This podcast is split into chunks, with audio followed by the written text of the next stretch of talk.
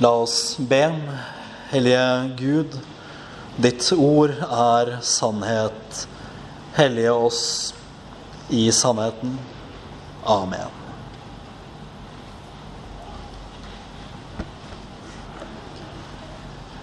Mange av oss som er her i dag, i Stedje kirke på minnedag, er her fordi i løpet av det siste året har mistet noen som sto oss nær. Og noen har kanskje, selv om det ikke skjedde i løpet av det siste året, opplevd nettopp det å miste noen som sto oss nær. En venn, en kone eller ektemann, en mor eller en far, en sønn eller en datter, en bror eller en søster eller noe annet. Livet, det er nå en gang sånn at man før eller siden vil oppleve at noen man er glad i, dør. Det er sånn at det er ikke til å komme utenom. For noen av oss så skjer det tidlig. At vi tidlig blir stilt ansikt til ansikt med noe vi helst kanskje skulle ventet med å møte. Og noen For noen så går det lengre. Vi som har opplevd hvor brutalt det kan være å miste noen som står oss nær, vi har kjent dette på kroppen. Men også hvis du aldri har mistet noen som sto deg nær, så kan du kanskje i alle fall forstå en liten bit av det. Samtidig så er det jo sånn at sorg og tap det oppleves selvfølgelig forskjellig mellom oss alle. Men jeg tror at brutalt er et godt ord. Det er så omveltende. Og det kan virke så definitivt og endelig. Og det er et mangfold av følelser som kan komme til uttrykk. Kanskje alle på en gang noen ganger. Vi kan kjenne på sorg. Vi kan kjenne på savn. På sinne. Vi kan kjenne på smerte. Ikke bare en emosjonell smerte, men også noen ganger en helt reell fysisk smerte. Og kanskje går det også an å føle på lettelse i noen sammenhenger hvis det har vært et langt, vondt og krevende sykeleie eller andre ting.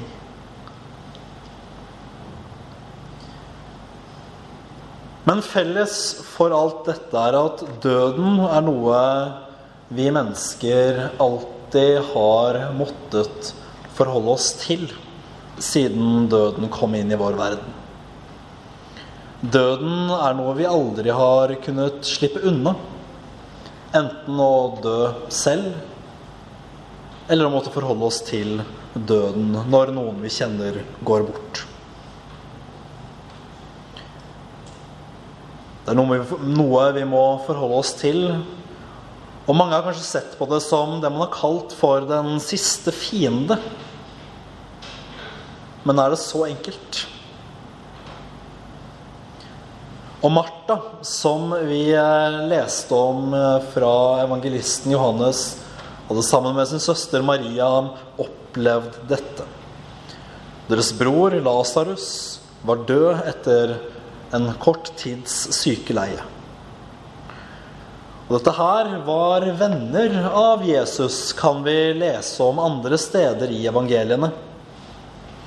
Og man kan nesten høre hvordan Martha bebreider Herren selv. Hadde du vært der Hadde du vært der, Jesus, så var ikke broren min død. Du som kan helbrede, hvor var du? Og kanskje kan også vi stemme i Martas bebreidelse. Hvor var du, Herre? Du som kan helbrede, du som kan reise opp. Du som holder himmel og jord i din hånd, og som styrer alt. Hvor var du? Martha hadde, som også vi kan ha, en tro på at Jesus kunne helbrede. Gjøre det godt igjen. Fjerne sykdommen. Hun hadde jo hørt om at dette hadde han gjort før. Kanskje hun til og med hadde sett det. Og akkurat sånn er det med oss også. Vi har hørt, noen har kanskje sett, at Jesus har helbredet. Men så er det den smertefulle realitet at det ikke skjer alltid, og vi lurer hvor var Jesus? Og Martha hun hadde også en tro på at hun skulle få se sin bror igjen. I oppstandelsen på den siste dag, når vel og bra alle skulle stå opp slik hun trodde. Og dette her virker jo vel og bra som også vi kan knytte vårt håp til. Og se våre kjære igjen en dag. Samtidig så er det jo verdt å merke seg at Martha ikke virker helt fornøyd. Din bror skal stå opp, sier Jesus. Og Samtidig så ligger det et sorgfullt 'ja da, jeg vet det' over Martas svar. For hva er vel Martas oppstandelsestro annet enn et vagt himmelhåp? Hva grunner hun dette håpet i? Det er ikke like selvsagt. Og er dette et håp hun kan stole på? Kanskje. Men det som er saken her, og det som kommer fram tydelig i evangelieteksten, det er at Jesus Kristus, han gir oss noe å stole på. Det er det første og det fremste og det viktigste. Men like fullt, og så vel så viktig, han har medlidenhet med oss i vår nød. For det er faktisk et sentralt punkt at vi tror på en Gud, vi tror på en frelser. Vi tror på Jesus, som ikke er en Gud langt borte, men som selv har gått inn i tid og inn i verden. Og opplevd alt det som vi også i løpet av et liv kan oppleve. Og så sier han disse salige, gode ord. Jeg er oppstandelsen og livet, sier han. Det er en tekst som ofte leses, men som ikke kan leses ofte, nok, og som vi skulle stoppet opp ved og bare sett på hva denne setningen betyr.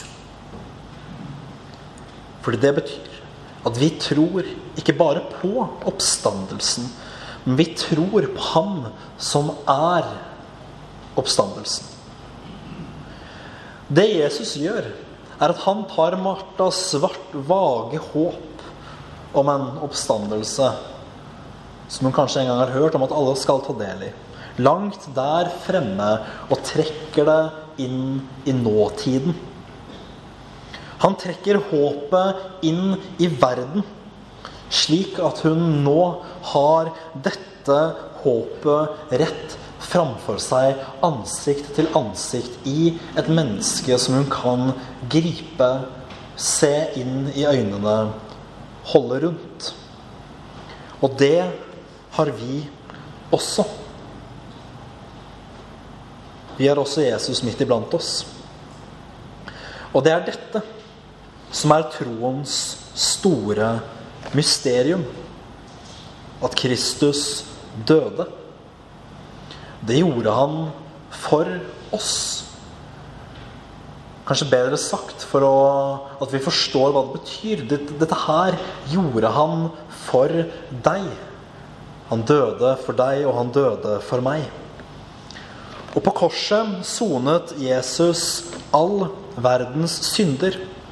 For hans skyld så vil Gud forlate og tilgi oss alle våre synder. At Kristus sto opp. For den tomme graven vitner om Jesu Kristi seier over døden. Her knuste Jesus både døden og djevelen, slik at ingen av dem lenger har makt over oss. Han som selv er livet, brøt med Guds kraft dødens lenker og sto opp fra de døde. Det gjør at vi som er døde med ham, også skal oppstå med ham. Og det gjør at vi også kan frimodig bekjenne død, hvor er din brodd? Død, hvor er din brodd? For hvis syndens makt var døden, og hvis døden kom av synden Da har ved Jesu Kristi død og oppstandelse døden ingen makt lenger. Den har ingen brodd. Døden virker kanskje mektig nå, men Jesus har avkledd den. Kristus har stått opp og trådd døden under sin fot. Det gjorde han ved sin død og ved sin oppstandelse. Og til sist at Kristus skal komme igjen. Det er det all vår lengsel og alt vårt håp er knyttet til. At Jesus Kristus en dag skal komme igjen som den oppstandende og seirende konge. Han skal komme igjen i herlighet. Og når han gjør dette, så vil den verden vi kjenner nå, en verden som ligger i det onde, hvor døden virker mektig, hvor vi må tåle sorg og savn og sykdom og alt annet som er ondt, da vil det bli en ganske annen verden. Da vil det bli en verden hvor alt dette onde ikke lenger finnes. Hvor Gud selv går midt iblant oss. Hvor vi skal leve sammen med våre kjære, evige og salige i Guds rike. Ære være Faderen og Sønnen og Den hellige ånd, som var, er og blir en sann Gud fra evighet og til evighet. Amen.